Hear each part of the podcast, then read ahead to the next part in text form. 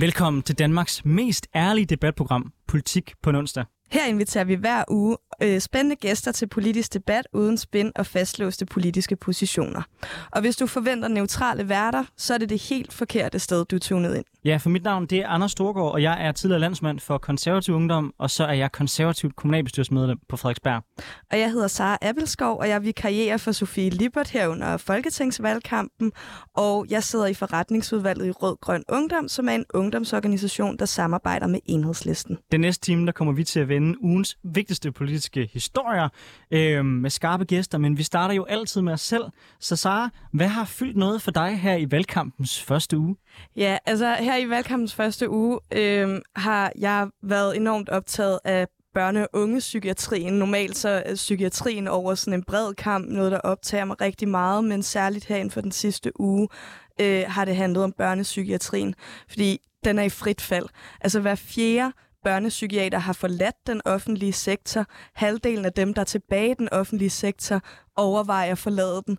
Øh, og under 40 procent af de børn og unge, der ligesom bliver henvist til, til børnepsykiatrien, de, de får overholdt deres udredningsret. Altså det her med, at man skal have, have en, udred, en plan for sin udredning inden for de første 30 dage. Øhm, og, og det betyder simpelthen bare, at der er simpelthen, altså der er sindssygt mange børn, der ikke får den hjælp, som de har behov for. Og det er noget, som ligger mig virkelig meget på sinde, og som jeg synes er virkelig uhyggeligt, fordi sundhedsøkonomer, de advarer simpelthen om, at i fremtiden, så øh, har vi nærmest ikke nogen børne- og unge psykiatri tilbage i det offentlige. Det skræmmer mig. Det forstår jeg virkelig også godt, og, og det er jo et område, der er enormt presset i de her år. Altså, jeg har set undersøgelser, som, som, som tyder på, at hver fjerde pige i 9. klasse har gjort skade på sig selv. Mm. Vi ser, at det er en bevægelse, der er i hele den vestlige verden, hvor der er flere og flere unge, der psykisk mistrives. Og stadig har man sådan lidt en følelse af, at politikerne de i virkeligheden gør meget, meget lidt, og at man faktisk nær, nærmest ser det modsatte, som er en flugt øh, fra den branche, hvor vi virkelig har brug for, at der er flere folk, der søger hen.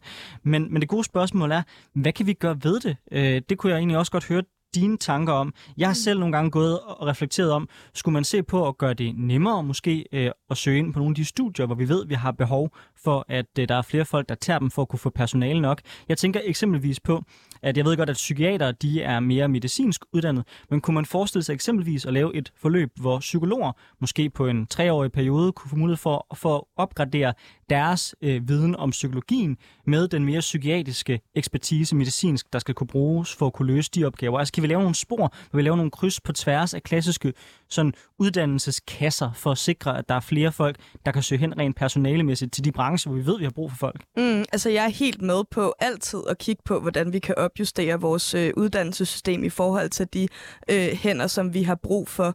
Øh, og det vil jeg meget gerne sådan have bliver tænkt ind i, hvordan vi former hele vores samfund, det er, hvordan øh, vi former vores uddannelsessystem. Øh, jeg tror sådan lige her og nu, så øh, er det er det simpelthen psykiatrien og børne- og unge psykiatrien i sig selv, vi skal kigge på. Vi skal sørge for, at der øh, bliver investeret ordentligt i det, sådan, så vi kan fastholde de medarbejdere, der er, sådan, så de ikke flygter over i det private, fordi der er en bedre løn, som skaber en enorm ulighed i, i sundheden. Øh, vi skal sørge for, at de børn og unge, der har det rigtig skidt lige nu, de får den hjælp øh, hurtigst muligt. De skal ikke vente op til 38 uger, som de gør lige nu. Og hvordan sikrer vi så, at øh, eventuelt penge, der bliver afsat til det område, ikke bare bliver et op, så af lønstigninger? Fordi det vil jo også være ærgerligt, tænker jeg. Vi skal jo i virkeligheden have begge dele. Vi skal sikre, at vi kan fastholde personale, men vi skal også samtidig sikre, at vi får noget mere behandling, fordi der er jo kæmpe lange ventelister på rigtig, rigtig mange psykologer, skolepsykologer osv. Ikke? Mm, men lige nu så er det jo sådan, at man altså både altså sådan bredt set i sundhedssystemet øh, og, og, og i psykiatrien også, at man simpelthen lukker sengepladser, fordi der ikke er, er hænder nok. Så vi har ligesom kapaciteten i forhold til sådan, altså der er ikke pladsmangel i psykiatrien, og, øh, øh, og, Øh, men, men vi mangler øh, hænder, og derfor så er det øh, de løn- og arbejdsvilkår, øh, der er lige nu, som vi skal kigge på. Øh, men Anders, jeg kunne snakke om det her med børnepsykiatri øh, for evigt, men øh, jeg skal også høre dig, hvad har fyldt for dig den her første uge af valgkampen? Ja, altså det, det har været den første valgkamp, hvor jeg ikke har haft noget ansvar, så jeg har ikke haft travlt med at være ansvarlig for at hænge plakater op. Jeg har selvfølgelig selv været med at hænge nogen op, men det har ikke været det, der sådan har fyldt så meget for mig. Jeg har heller ikke haft så travlt med at være midt i valgkampen i så høj grad, at jeg kan kunne følge med i, hvad der sker mediemæssigt. Og det betyder, at det første valgkamp i Gud ved, hvor lang tid, at jeg rent faktisk kan følge med i, hvad der sker i medierne. Og jeg skal hilse at sige, at jeg er ikke sådan vildt optimistisk efter det, jeg har oplevet. Jeg ved godt, at vi er en del af medierne selv, så hvorfor står jeg trash af medierne? Men jeg synes faktisk, at den her valgkamp indtil nu, der har øh, det har været personhistorier. Hvem der har løjet, hvem der har gjort hvad, hvem er troværdig, hvem er ikke troværdig, hvem har sagt det eller andet. Det har været alt det, der har fået lov til at fylde mest. Jeg synes i virkeligheden, der hvor det var aller værst, det var det gameshow, der var øh, mellem de tre statsministerkandidater, der i virkeligheden næsten handlede mere om en journalist, som jeg øvrigt har stor respekt for, nemlig Silje Bæk.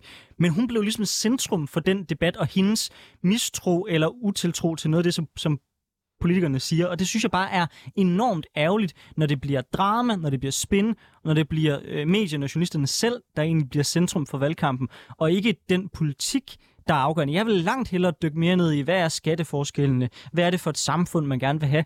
Men det er bare ikke det, der fylder, fordi politikerne ved også godt, at de får meget flere clickbaits, og de får langt mere opmærksomhed fra medierne, hvis de går i kødet på hinanden. Så det er selvfølgelig det, der trækker overskrifterne.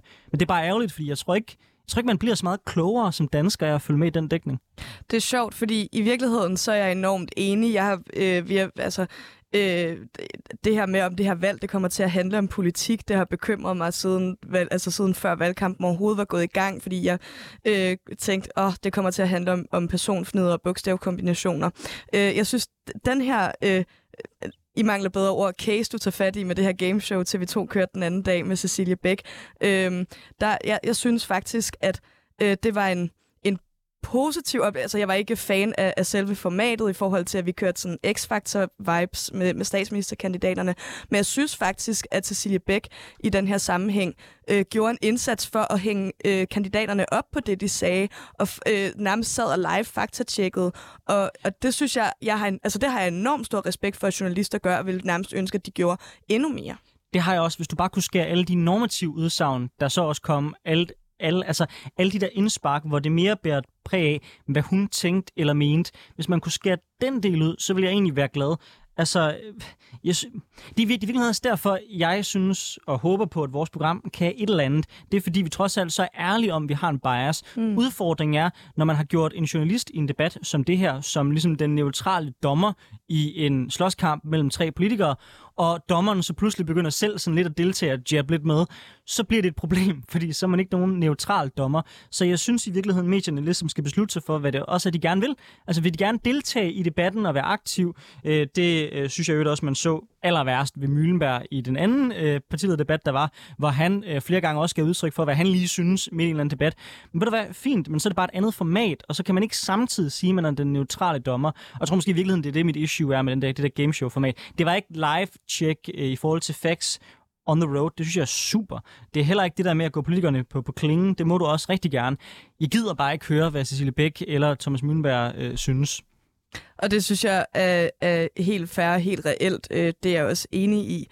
Øh, jeg er også enig i den her med, at mm, medierne ligesom skal beslutte sig for, hvad er det, de vil med det her valg, hvordan vil de dække det. Jeg vil ønske, at vi, at vi dækkede mere politik, øh, at vi fik øh, politikernes øh, holdninger frem, i stedet for, at det er sådan vanlig Christiansborg mudderkast mod hinanden. Ja, nu må vi se så, om, om det bliver det, der bliver tilfældet i, i løbet af den her valgkamp. Øh, om det bliver bedre hen ad vejen, om vi kommer til at se nogle flere politiske udspil. Det er i hvert fald det, jeg håber på. Jeg synes lidt, man har kunne se nogle tegn på, at det er den vej, det bevæger sig hen i de seneste øh, par dage. For eksempel, øh, da de borgerlige sammen øh, lavede en, et pressemøde og kom med et udspil der. Altså kunne pege retning af, at vi kommer til at se lidt mere politik, og måske lidt mindre øh, personfnider. Det vil jeg i hvert fald sætte enormt meget pris på, hvis det er den vej, vi bevæger os hen i valgkampen. Fordi et eller andet sted, så tror jeg langt de fleste danskere, de vil hellere høre noget om det, inden de vil høre noget om, hvem der øh, synes, at nogen har gjort noget galt, eller hvem der synes, nogen lyver, und så videre. Nå, men her i studiet, der har vi efterhånden fået besøg af to fantastisk skarpe gæster. Jeg skal lige gøre opmærksom på, at øh, det her program kan selvfølgelig høre på de podcast-platforme, man typisk bruger. Og fordelen ved at bruge øh, 24-7-appen, det er, at man har mulighed for at kunne øh, byde ind med spørgsmål, hvis man ønsker, at der er eller vi skal tage, tage op her i programmet og stille vores skarpe gæster. Man kan også der komme med forslag til, hvad vi skal tage op i kommende programmer. Men her i studiet, der har vi fået besøg af to gæster. Den første, jeg skal byde velkommen dig til, det er dig, Alexander Sascha. Du er kandidat for Venstre eh, her i København Storkreds. Velkommen til Politik på en onsdag. Tusind tak. Tak for invitationen. Vi lægger altid ud med at spørge vores gæster, når de sådan kigger ud på det danske mediebillede, hvad har været det, der har fyldt mest for dem i ugen, der er gået? Hvad har den største politiske historie været? Det gør vi altid for lige at lære vores gæster lidt bedre at kende og finde ud af, hvad I er for nogle typer. Når du kigger på dansk politik, hvad har så været den mest interessante historie for dig i den her uge? Øh, det har personligt været Venstres nye klimaplan og udspil i forhold til den investering øh, i den grønne dagsorden, fordi jeg er selvfølgelig en, der er går rigtig, rigtig meget op i klima og en bæredygtighedsnørd, så jeg må indrømme, det er nok det, der har været mest spændt for mig. Øhm, så det... Og hvad, og, og hvad tænker du så om udspillet? For det har jo skabt en del debat, netop det her med at sælge Ørsted, som er der, hvor finansieringen kommer midt i en forsyningskrise. Kan du forstå den bekymring, nogen udtrykker i forhold til, om det lige er nu, vi skal sælge Ørsted og måske få kinesiske eller russiske investorer ind? Helt klart, jeg kan godt forstå debatten. Øhm, jeg forstår også, altså vi står i en ret svær situation i øjeblikket. Vi står i en energikrise. Vi så en kæmpe inflationskrise. Øhm, og man vil selvfølgelig have et klima, dagsordenen ikke bliver glemt. Og hvor skal, som spørgsmål ellers er, pengene komme fra? Så jeg synes, at det er selvfølgelig, jeg forstår godt bekymring. Det er ikke det bedste tidspunkt at sælge i øjeblikket, men alligevel synes jeg, at det er de skridt, vi skal have til at fortsætte. Øh, at omstille grønt og blive uafhængig af den russiske gas. Vi har noget ved djævelens advokat, så kunne man jo spørge, øh, de der, jeg mener, det er 64 milliarder, man gerne vil have ud af det. Det er jo en midlertidig indtægt. Vil det ikke være bedre bare at hæve skatten og så bruge pengene på den grønne omstilling? Jeg synes ikke, at hæve skatten, det er svaret. Øh, der er, det er let at sige, men øh, når man hæver skatten, så selvfølgelig er der jo mange virksomheder og mange mennesker, der bare kan vælge at flytte ud af Danmark. Altså, det er ikke svaret at beskatte, blive ved med at hæve skatterne. Øhm, jeg er selv erhvervsdrivende, øhm, arbejder på en produktionsvirksomhed, og jeg kan godt se, hvordan at når man ligesom snakker om at forhøje skatten her og der, så begynder virksomheder at flytte ud. Og det er jo ikke det, der er svaret til tingene. Vi skal blive rige af Danmark. Det skal være spændende og attraktivt at blive stor øh, i Danmark. Men i den her øh, energikrise, vi har lige nu, så er der jo øh, store virksomheder, som, som tjener styrtende på, at vi har en energikrise.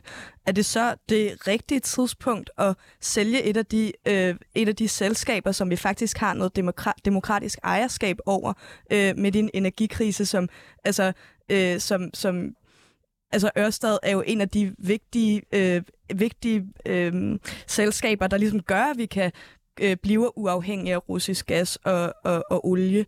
Er det ikke øh, en rigtig dårlig idé at sælge noget, vi har demokratisk ejerskab over midt i en krise? Jeg synes ikke, det er den mest perfekte løsning, men der er rigtig mange i øjeblikket ting. Dansk, hver dansker familie bliver utrolig fattigere, når vi står i den her energikrise. Og jeg synes, det er nogle af de skridt, vi kan tage. Øh, vi har allerede med forskellige eksperter analyseret, at vi faktisk godt kan sælge den her egen del. Øhm, og det er et kæmpe sum. Jeg synes, at det er bedre prioriteret, end at beskatte folk i øjeblikket, beskatte virksomheder, få mere produktion til at flytte ud, og gå rigtig, rigtig meget op i forskning og måder, hvordan vi kan omstille så hurtigt som muligt væk øh, fra den her russiske vi skal også byde velkommen til dig, Leila Stokmar. Du er folketingskandidat for Enhedslisten. Velkommen til Politik på en onsdag. Tak skal du have. Vi spørger altid vores gæster ind, hvad har fyldt noget for dem i ugen, der, der er gået? Har det også været Ørsted, der har været den store historie for dig? Eller er der andre sager, du vil bringe ind her i, i programmet? Ja, altså jeg synes, at det er lidt polemisk sagt dejligt at se Venstre komme med et udspil, der i den grad bliver øh, kritiseret bredt, også af eksperter. Øh, men jeg synes også, at det er ekstremt dejligt, at vi snakker klima. Vi har jo i enhedslisten gerne vil have, at det her blev et klimavalg, og var rigtig bange for, at klima var ved at ryge dagsordenen. Så øh, det, at øh, stort set alle partier diskuterer landbrug nu, det synes vi er, er fantastisk, øh, fordi landbrug er den sektor, der sviner allermest i Danmark, og det skal vi have taget livtag med. Så det, øh, det er kun godt. Og når du så er ude på gaden og møder danskerne, oplever du så stadigvæk, at det er klima, som fylder, når du møder borgerne? Eller er det, som nogen har sagt, blevet overskygget øh, af bekymringer omkring den stigende inflation og energikrise? Det er klart, at lige, nu, lige, lige her og nu er der nogle, rigtig mange mennesker, der frygter for, om de kan betale den næste elregning, øh, og, det, og det fylder rigtig meget. Men jeg oplever også, når jeg snakker med folk, at folk faktisk ser en sammenhæng mellem den krise, vi står i lige nu, og så, hvad kan man sige, den større klimakrise, som jo faktisk er underliggende for den her krise. Altså det faktum, at vi lever i en tid, hvor at vores energi er knap, og vi skal til at ændre den måde, vi lever på. Og det har vi desværre måtte, måtte sande på en rigtig ubehagelig måde på baggrund af en krig. Men jeg oplever, at de fleste folk faktisk ser det her som en mulighed også for at ændre nogle ting, som vi alligevel skal ændre på grund af klimakrisen. Jeg har noteret mig, at Enhedslisten har talt meget ind i, at en af løsningerne på øh, den krise, vi står i nu, det er at beskatte energiselskaberne markant hårdere. Øh, I dag er det jo sådan, så øh, vind- og solbranchen er nogle af dem, der sælger strøm, eller som, som har de laveste omkostninger, og derfor faktisk er nogle af dem, der som tjener mest ind.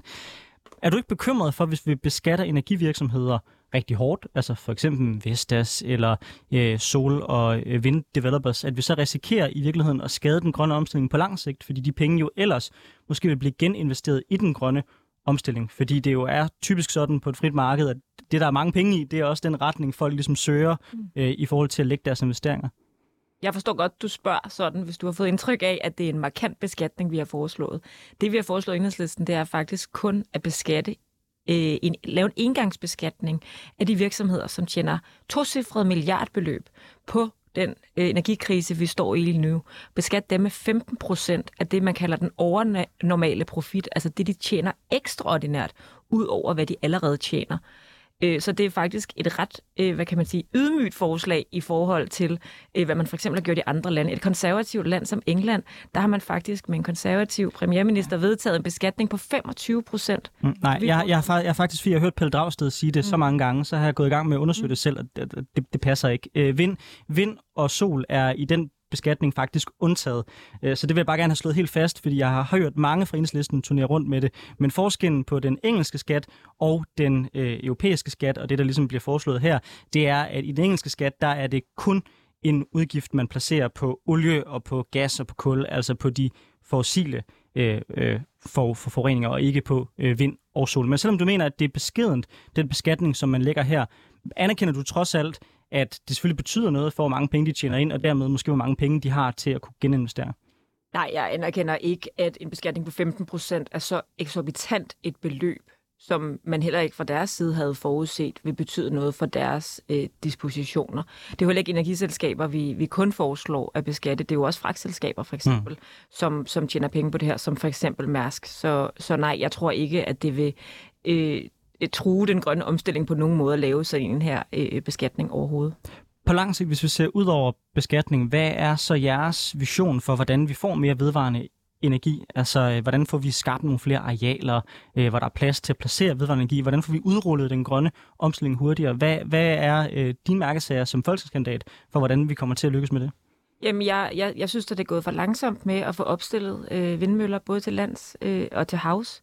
Jeg synes, at vi har været for langsomme om at accelerere. Det er jo meget usekset meget, det her klimapolitik, men det er jo det, der virker. Det er jo for eksempel sådan noget som varmepumper, jordvarme, geotermi, og så få udrullet fjernvarmen til hele landet, så vi kommer af med de her gas- og oliefyr, som sviner så ufattelig meget. Øhm, og det var noget, vi skulle have gjort øh, øh, for længst. Og så hvis vi tænker, taler klimapolitik mere bredt, så noget af det, der fylder rigtig meget, det er jo det her med landbruget øh, som vi alt, alt for længe har holdt hånden under, og desværre jo også øh, Landbrugspartiet Venstre har holdt hånden under alt for længe. Og vi er jo gået til valg på at halvere øh, antallet af kvæg og svin i de danske stalle frem mod 2030. Øhm, og det er jo ikke noget med at gå ud og tage besætningerne fra de landmænd, der er lige nu. Det er noget med at hjælpe de landmænd, der gerne vil den grønne omstilling. Og det er jo præcis landbrug, vi skal, vi skal diskutere, så tak for at lave en fremragende bro til dagens emne. Alexandra og Leila Stokmeier, velkommen til Politik på onsdag. Nu går vi over til selve debatten.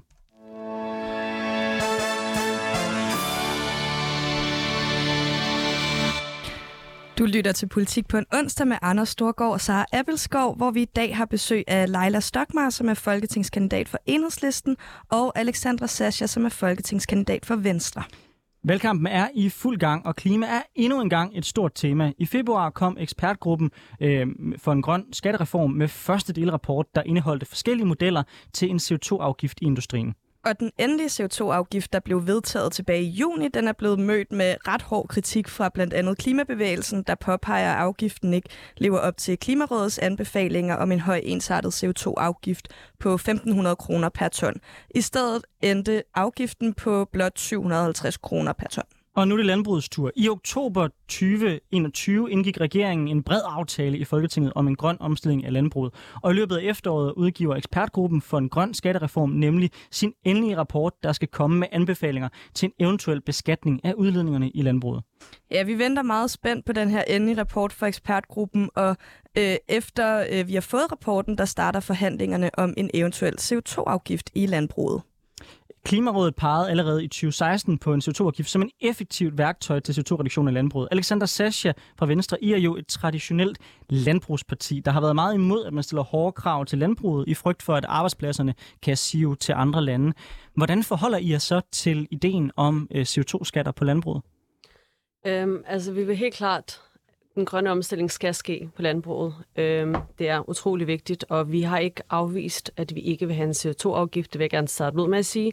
Vi vil gerne have en CO2-afgift på landbruget, men den skal indrettes sådan, at den understøtter den omstilling, øh, den danske fødevaresektor selv ønsker.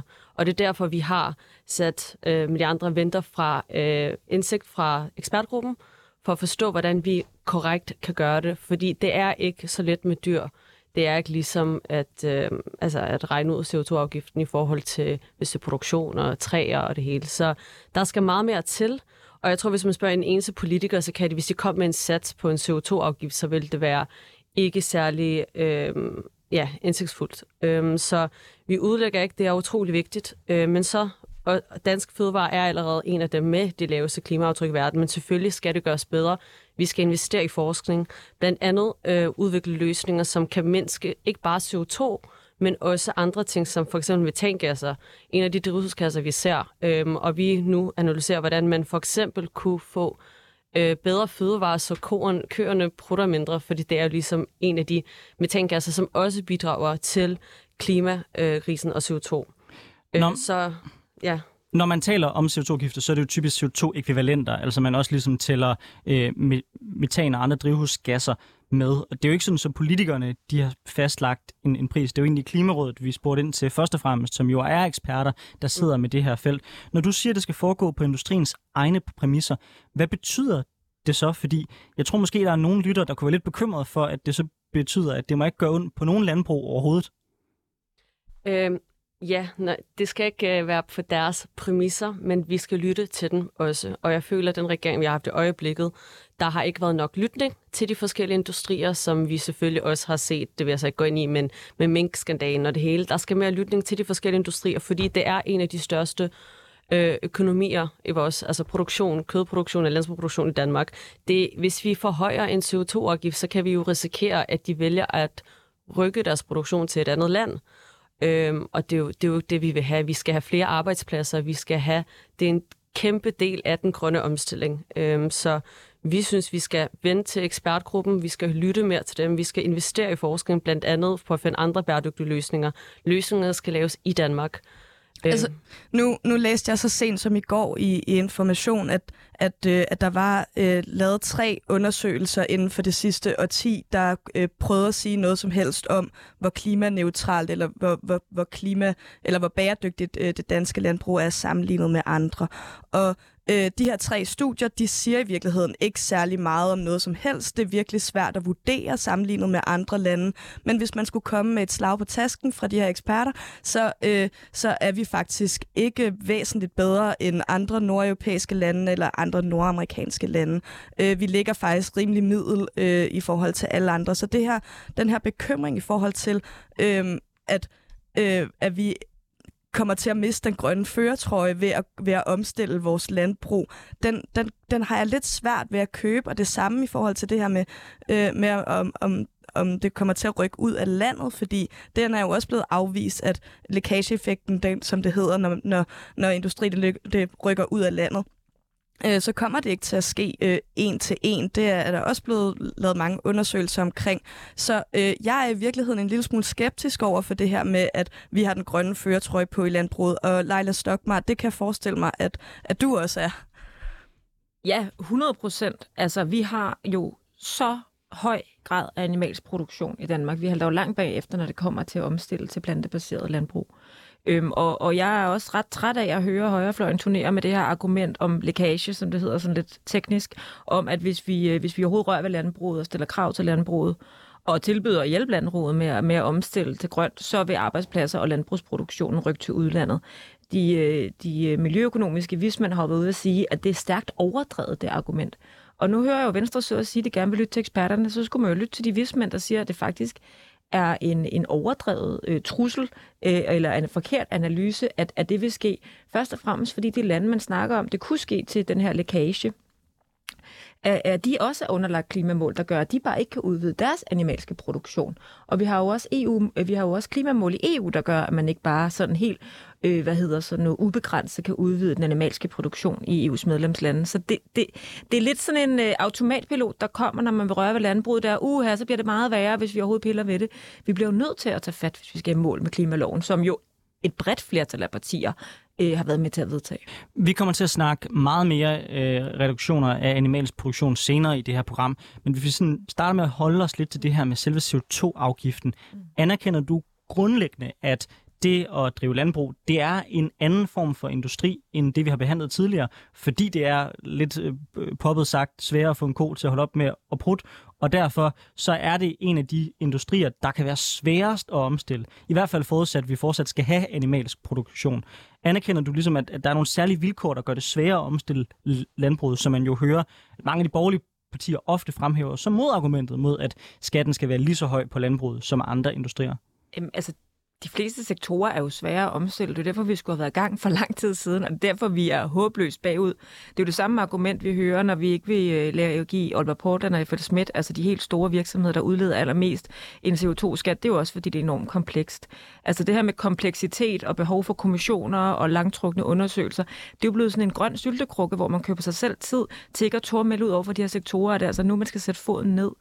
Øhm, så vi var jo heller ikke med i aftalen om, om en grøn skattereform, fordi netop, at den kun var, øh, den her CO2-afgift kun var halvdelen af, hvad Klimarådet anbefaler, og man undlod at underlægge både landbruget og de store, meget svinende virksomheder den her CO2-afgift.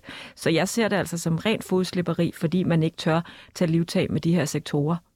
Alexander Sascha, øh, har vi været for bløde over for landbruget i for mange år? Har vi ikke stillet hårdt nok krav? Øhm, altså, det er svært at sige. Øh, vi, øh, altså, Venstre har jo altid haft landbrug som en af de største dagsordner i forhold til, at vi er et landbrugsparti.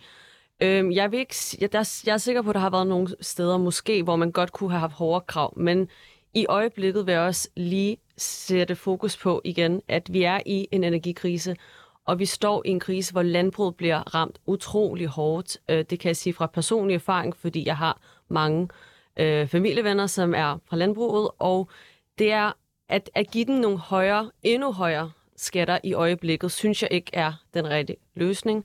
Jeg synes, man skal investere i de her i bæredygtig forskning i forhold til, hvordan vi kan omstille. Og selvfølgelig skal der være en CO2-afgift. Der skal være en CO2-afgift øh, for de forskellige industrier, men det skal som sagt give mening. Øh, man kan ikke gøre det på samme måde, som man kan i de andre industrier, fordi der blandt andet ikke er de samme tal fra Europæisk Unionen. Jeg sidder selv og laver CO2-analyser lige nu for tre, jeg arbejder papiremballage, og man får konkrete tal øh, fra Europa i forhold til, hvor meget hver, ting, altså hver komponent og papir og træ udleder, og når man producerer, når man forbrænder det. Det har man ikke på samme måde med landbruget.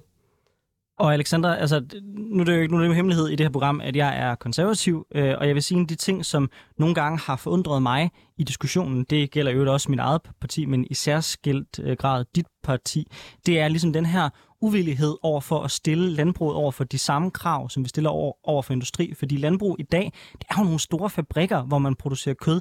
Det er jo ikke på samme måde sådan et eller andet idyllisk lille land, landsted, hvor der går tre køer og tre grise. Og når man stiller mindre hårde krav til landbruget, end man stiller til industri, så ender det jo netop med, at det er virksomheder, som for eksempel den virksomhed, du har, der arbejder med bæredygtig produktion af tøj. Det er jo netop jer, der så skal bære en meget større grad af byrden, fordi vi skal jo stadigvæk reducere den samme mængde CO2. Så bliver det bare industrien, der skal holde for, mens landbruget får lov til at slippe. Hvordan kan du synes, det er rimeligt, som en netop arbejder med den her branche? Øhm, jeg forstår godt, hvor, altså, hvor det kommer fra, og det, jeg synes ikke, det er opsat helt korrekt øh, i forhold til, at vi har byrden. Det er CO2-afgiften, det er ikke kun den eneste løsning grønne omstilling. Øh, og den skal være selvfølgelig i de forskellige industrier, men landbrug er en så stor del af den danske økonomiske produktion. Det er en så stor del, at selvfølgelig gør det, hvis man... Det er også en industri, der har meget at sige, og selvfølgelig skal vi også tage ind for, hvad de ønsker i forhold til, hvis vi begynder at stille alt for hårde krav, så kan vi godt risikere, at de flytter ud, at de mister engagementet i at fortsætte. Øhm, så selvfølgelig skal det være en balance. Øhm. Øh, Leila Stokmar, er du enig i, at, øh, at, at landbrug ligesom er for stor en del af, af det økonomiske fundament i Danmark til, at vi kan lægge en, øh, en, en høj CO2-afgift på landbruget i, med håb om at få dem omstillet hurtigt? Nej, slet ikke. Altså, vores udspil handler jo om at, hvad kan man sige, udvikle et erhverv, så det er i trit med den grønne omstilling, og så erhvervet øh, har en fremtid. Fordi hvis vi skal leve op til vores egen klimalov, som Venstre jo også har været med til at vedtage, så skal vi jo have omstillet alle sektorer. Øhm, og vores ambition er jo ikke at hække landbruget af. Det er jo at få landbruget med i den grønne omstilling.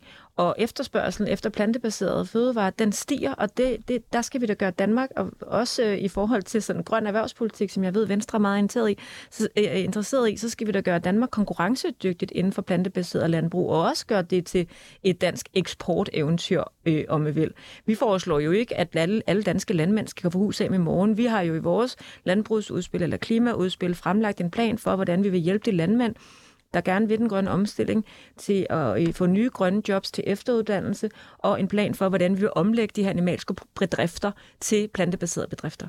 Nu siger du plantebaseret, men en afgift, hvis man bare lægger en CO2-afgift på, kunne jo også have den effekt, at landmænd har en interesse i bare at nedbringe CO2'et på den kødproduktion, de har. Så det måske i stedet for vil være en eksportsucces med ligesom at have de bøffer med det laveste CO2-udslip, frem for at have de plantebøffer med det laveste CO2 udslip. Så, så det er vel ikke, altså en CO2-gift som sådan bestemmer vel ikke, hvorvidt det er animalsk, eller om det er, det er øh, vegansk, selvom jeg er godt klar over, nej, nej, at, at som det er lige nu, så er det mange, kan man sige. Ja, ja. Men, men, men det er jo heller ikke sådan, at vores forslag om at halvere den animalske produktion betyder, at der ikke vil være svin øh, og, og køer i Danmark i 2030. Altså, der vil stadig være 6,5 millioner svin. Altså med vores plan vil der stadig være flere svin, der vil være danskere, så vi står altså ikke ud for en eller anden øh, udrensning af svin fra den danske landbrugsproduktion.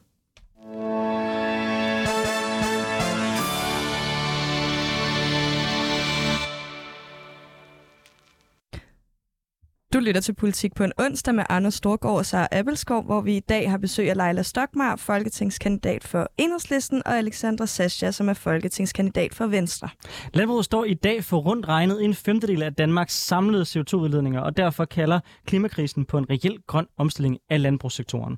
Men er den nuværende aftale om en grøn omstilling af landbruget ambitiøs nok? I aftalen, som blev vedtaget sidste år, øh, besluttede forlispartierne, at landbruget skulle reducere 8 millioner tons CO2, blandt andet gennem udtag af 100.000 hektar lavbundsjord, som er gammelt drænet sumpjord med en særlig høj udledning af CO2. Øh, og så skulle vi have noget øget øh, skovrejsning og øget investeringer i landbruget, samt ikke animalsk produktion. Spørgsmålet er, om landbrugsaftalen går langt nok, hvis vi skal nå vores mål om CO2-neutralitet. Lærte Stokmar i Enhedslisten gik i med i landbrugsaftalen, men samtidig så har I bagefter foreslået en reduktion på 50% af den animalske produktion. Var det en fejl at gå med i aftalen? Nej, det gjorde vi fuldstændig med åbne øjne. Altså, nu var jeg ikke med i forhandlingsrummet selv, men øh, vi har sat afgørende aftryk på den aftale og hævet den i en grønnere retning, selvom vi er grundlæggende er meget øh, utilfredse med aftalen. Det er også derfor, at vi både har været at kritisere den, men også har været at fremhæve, at vi har været med til at sikre, at aftalen som minimum havde nogle konkrete reduktionsmål. Vi ville gerne have haft en CO2-afgift med, og vi ville gerne have haft det her med øh, krav om at reducere den animalske produktion drastisk. Men det er jo så derfor, vi kommer med et udspil nu, hvor vi håber, at næste regeringsperiode, at vi så kan gå det skridt længere og få sat nogle klare mål for, øh, hvordan vi får reduceret udlændingerne fra landbruget. Øh, I landbrugsaftalen står der, at vi skal reducere udlændinger fra landbruget med 8 millioner tons. Det, det kvalificerer den aftale ikke vil ske. Der er en masse fugle på taget, der er en masse, der skal forhandles og genbesøges. Det er derfor, vi kommer med et udspil, hvor vi præcis foreslår og viser vejen til, hvordan vi kan reproducere, øh, reducere udlændingerne med 8 øh, millioner tons. Og det er jo det, vi håber på, at vi som forligspart kan være med til at, at sikre i næste regeringsperiode. Men Leila, tillade mig at være en lille smule spids, og du vil sikkert give mig ret i det her øh, spørgsmål. Men er det ikke lidt sådan langt de fleste klimaaftaler, der er blevet lavet i den her periode, er, at man netop sætter et eller andet overordnet mål på, det kunne være herrefedt, hvis vi reducerede øh, 8 millioner tons CO2 i den her sektor, og så kommer man ikke så meget øh, videre end, end, end det. Udover at være radioværen, så har jeg et arbejde hos, hos Green Power Danmark, der sidder jeg og arbejder med aftalen om fire gange mere vedvarende energi. Der har man også bare ligesom sat et mål om. Øh, I 2030, der har vi fire gange så meget vedvarende energi, og så har man ikke rigtig sådan politisk forhold sig til, okay, hvordan opnår vi så det? Og så kan Dan Jørgensen stå og klippe en snor, og man kan fejre det og sige, det er pis fedt. Altså, er det ikke lidt det, klimapolitikken er blevet i Danmark på mange måder? Det er nogle store mål, men, men meget, meget lidt handling. Jamen, jeg er ikke uenig. Det er jo også det, der har været vores grundlæggende kritik hele vejen. Øhm, jeg tør nu slet ikke gidsne om, hvordan det havde set ud, hvis vi havde haft de blå partier ved magten de forgangne tre år. Så tror jeg, der var sket øh, endnu mindre. Men vi har, jo grund, vi har jo hele tiden kritiseret den her famøse hockeystav, som Socialdemokratiet har, øh, har præsenteret. Det her med, at hvis vi bare øh, investerer i usikre teknologier, øh, så behøver vi ikke at gøre særlig meget nu, fordi så i 2029, så vil der ske et mirakel, og så vil vi lige pludselig være i mål i, i forhold til klimaloven. Det er jo det, vi har kritiseret, at der er alt for meget fokus på usikre teknologier. Og vi har stillet krav til, at der skulle være den her CO2-afgift. Den er jo også blevet syltet alt for længe. Der skulle også nedsættes en kommission, hvor det tog alt for lang tid. Så vi har spildt dyrebar tid. Men jeg vil jeg vil gerne, jeg, jeg er helt sikker på, at hvis enhedslisten og andre af de grønne partier ikke havde siddet med i forhandlingsrummet, så havde det set mere sort ud. Nu, nævn, nu, nu nævnte jeg lige som en sidebemærkning mit, øh, mit arbejde ved siden af, så jeg skal lige slå helt fast, jeg taler selvfølgelig på 100% egne vegne her, øh, og som konservativ politiker, og ikke på vegne af min arbejdsplads. Men, men Alexander Sascha, øh, når du kigger på landbrugsaftalen, som Venstre også var med, er du så optimistisk over den retning, man ligesom har sat for landbruget? Altså, går omstillingen hurtigt nok? Har man været konkret nok på, hvordan vi når i mål? Eller hvor er landbrugsaftalen måske ikke skarp nok? Ja, jeg er utrolig optimistisk. Øh, for det første, som sagt, vi venter på anbefalinger fra ekspertgruppen, fordi vi gerne vil lytte til industrien og til eksperterne, som kommer til at påvirke utrolig meget den måde, vi skal regne på CO2-afgiften. Det er ikke bare en afgift eller et tal, men bare en sats, man skal sætte op. Det er en, man skal virkelig øh, tænke over, som sagt, som vi talte om før, det er svært at beregne med den her industri, som også med andre industrier, men blandt andet landbrug.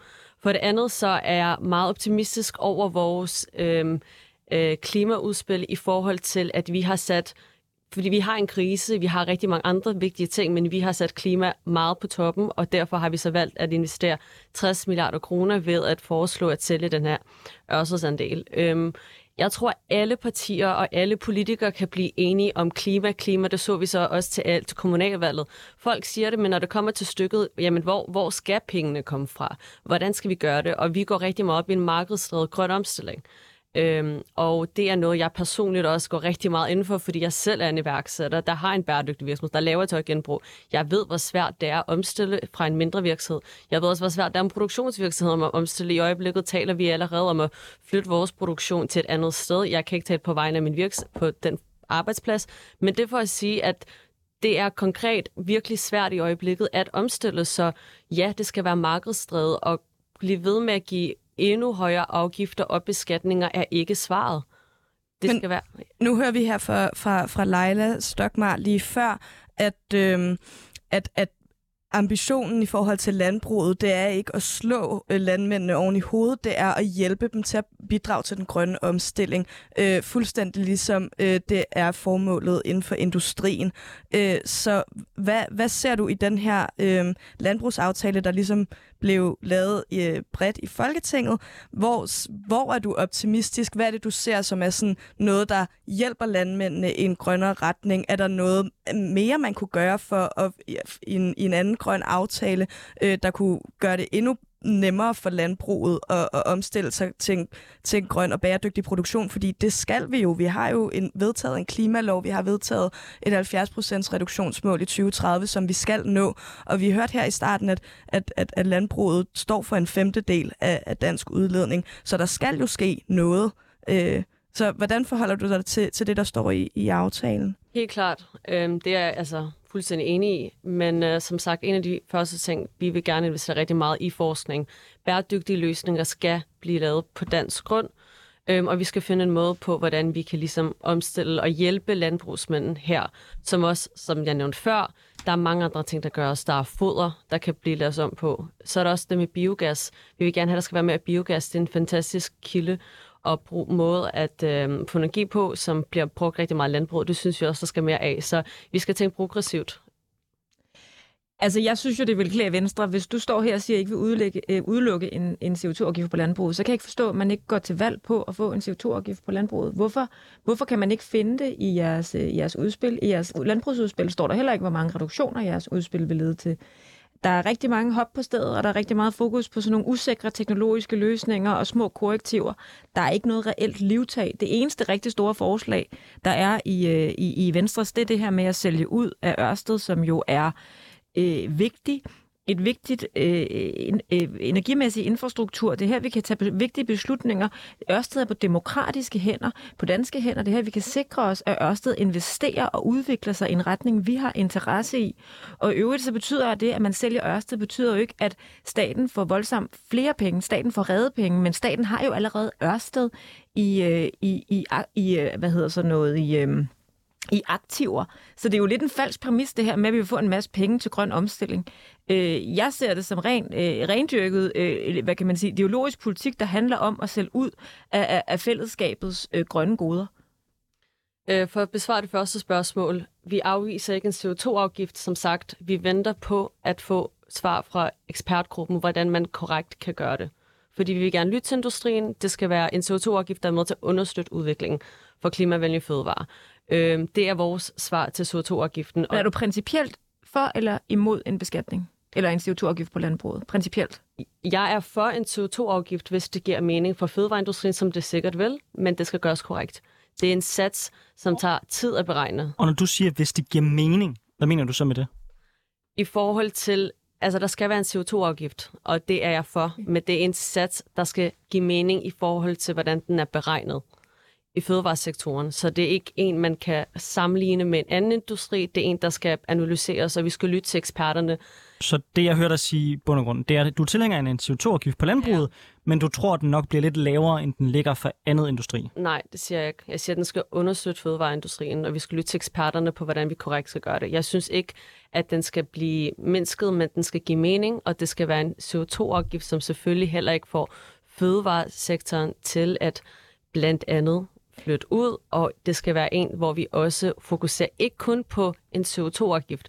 Det, der generelt jeg føler, man møder på den ja, venstrefløj, er meget afgifter, skat, afgifter, skat, hvor jeg personligt, som, som sagt også erhvervsdrivende og har arbejdet i forskellige industrier, også ønsker lidt mere fokus, hvor vi skal lytte til industrierne, og vi skal også fokusere på, hvordan vi kan hjælpe dem til at omstille med forskellige tiltag det er ikke kun skat og øh, ja. Men vi, vi foreslår heller ikke kun skat. Vi mm. lytter netop til eksperterne. Vi har et, et klimaråd, som jo øh, er formelt set rådgiver regeringen og Folketinget i, hvad der er klogest at gøre.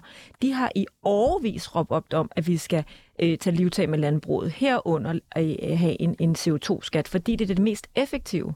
Så jeg forstår ikke, at Venstre kan stå og sige, at nu afventer vi eksperterne, når det formelle organ, der rådgiver som vi har accepteret, som vi udpeger hvert år, som de eksperter, der uafhængigt rådgiver regeringen, at vi undsiger dem, og igen siger, at nu skal vi høre eksperterne. Vi hører eksperterne. Det er derfor, vi har lavet politik. Vi laver politik. Vi anbefaler en CO2-afgift, netop fordi det er det, eksperterne siger vil virke.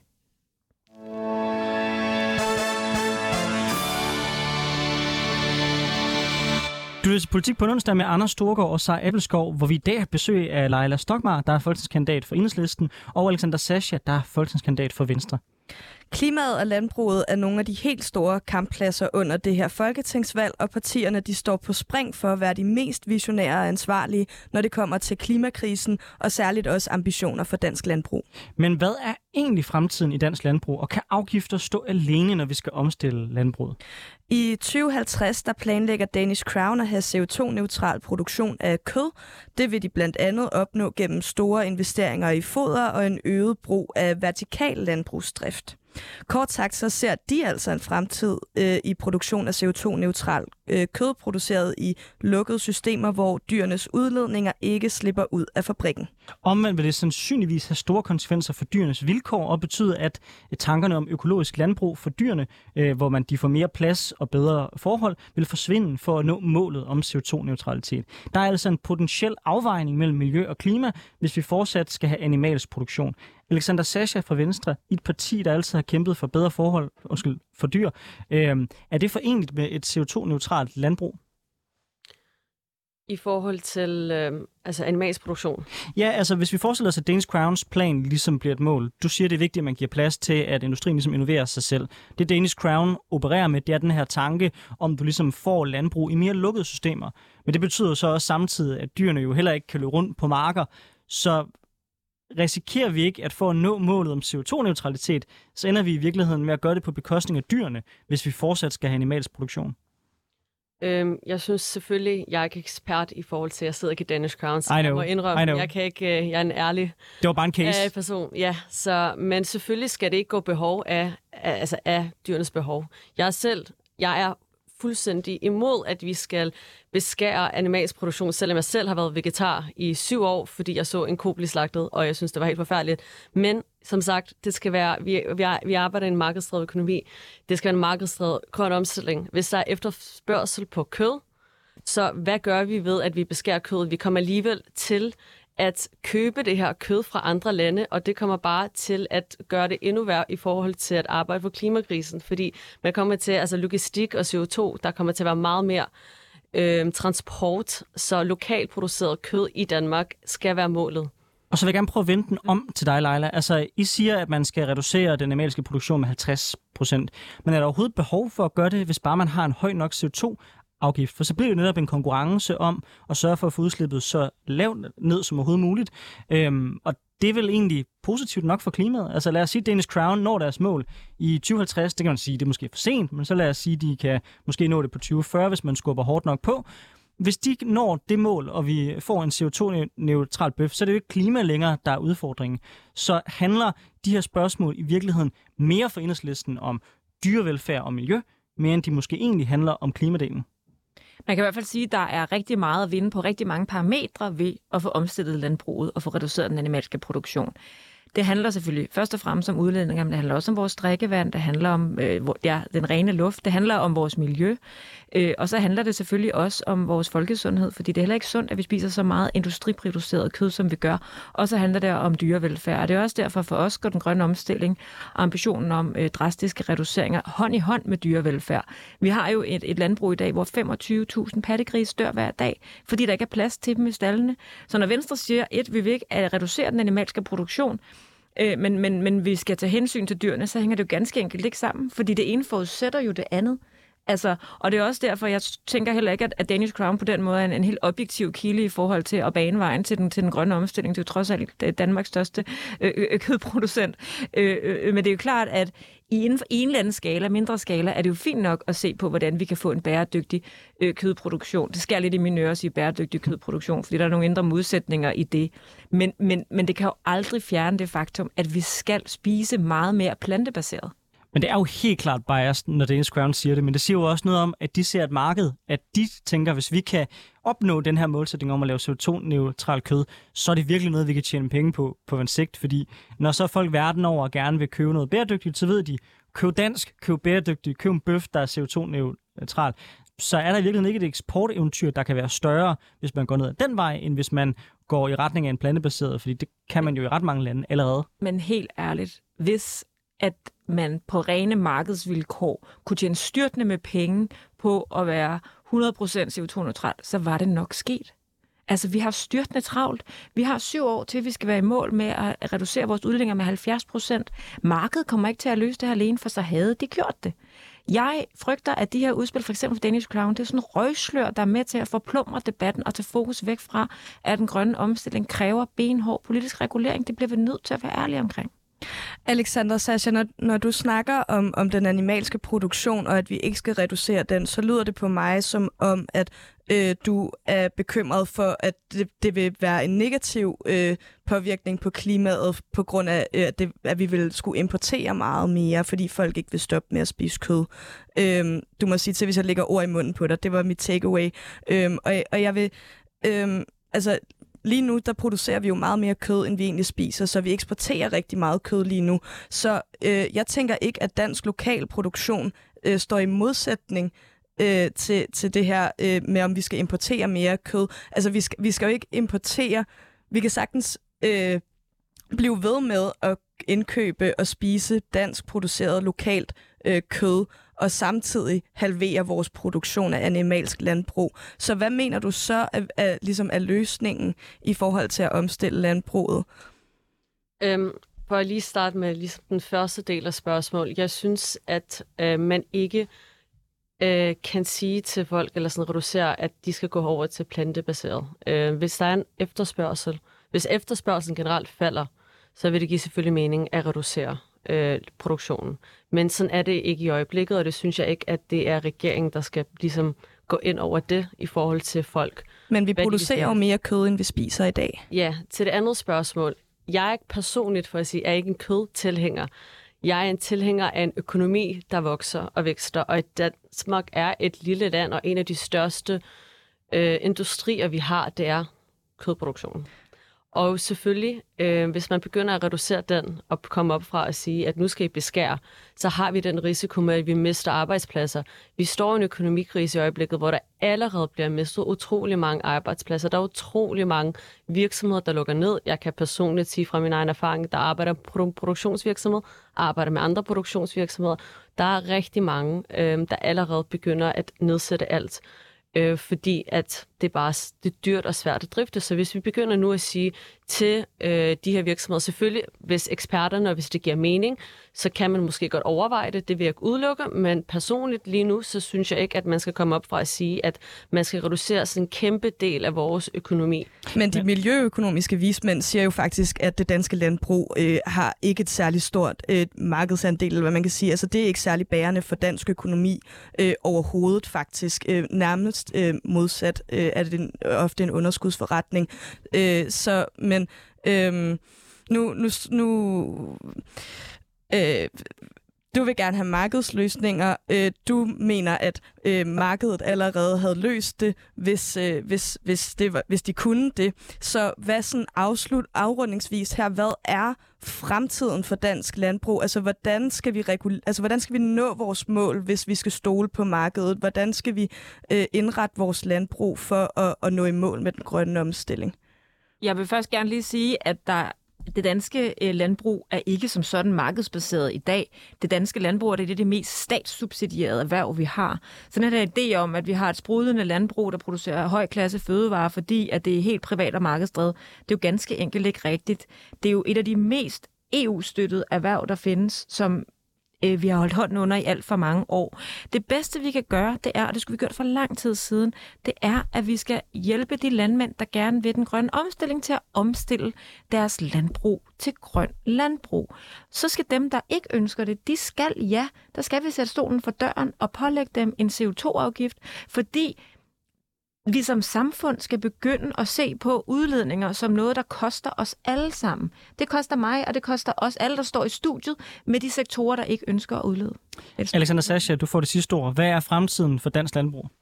investere i den grønne omstilling ved at have penge til det, og derfor går, kommer vi med de her 60 milliarder kroner, som også skal gå rigtig meget til forskning og bæredygtige løsninger. Enhedslisten kommer med nogle fantastiske ting, men jeg vil sige, hvor skal vi tage pengene fra i forhold til den her grønne omstilling, I gerne vil investere i?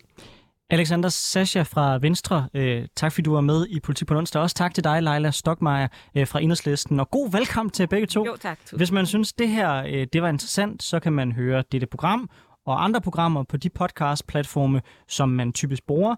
Øh, det kunne være Spotify, det kunne være 24 app. Der er fordelen som sagt, at der kan man både stille spørgsmål til os løbende i programmet, man kan også komme med idéer til, at vi skulle diskutere i næste program. Og vi er selvfølgelig tilbage øh, efter øh, nyhederne i anden afdeling af politik på en onsdag.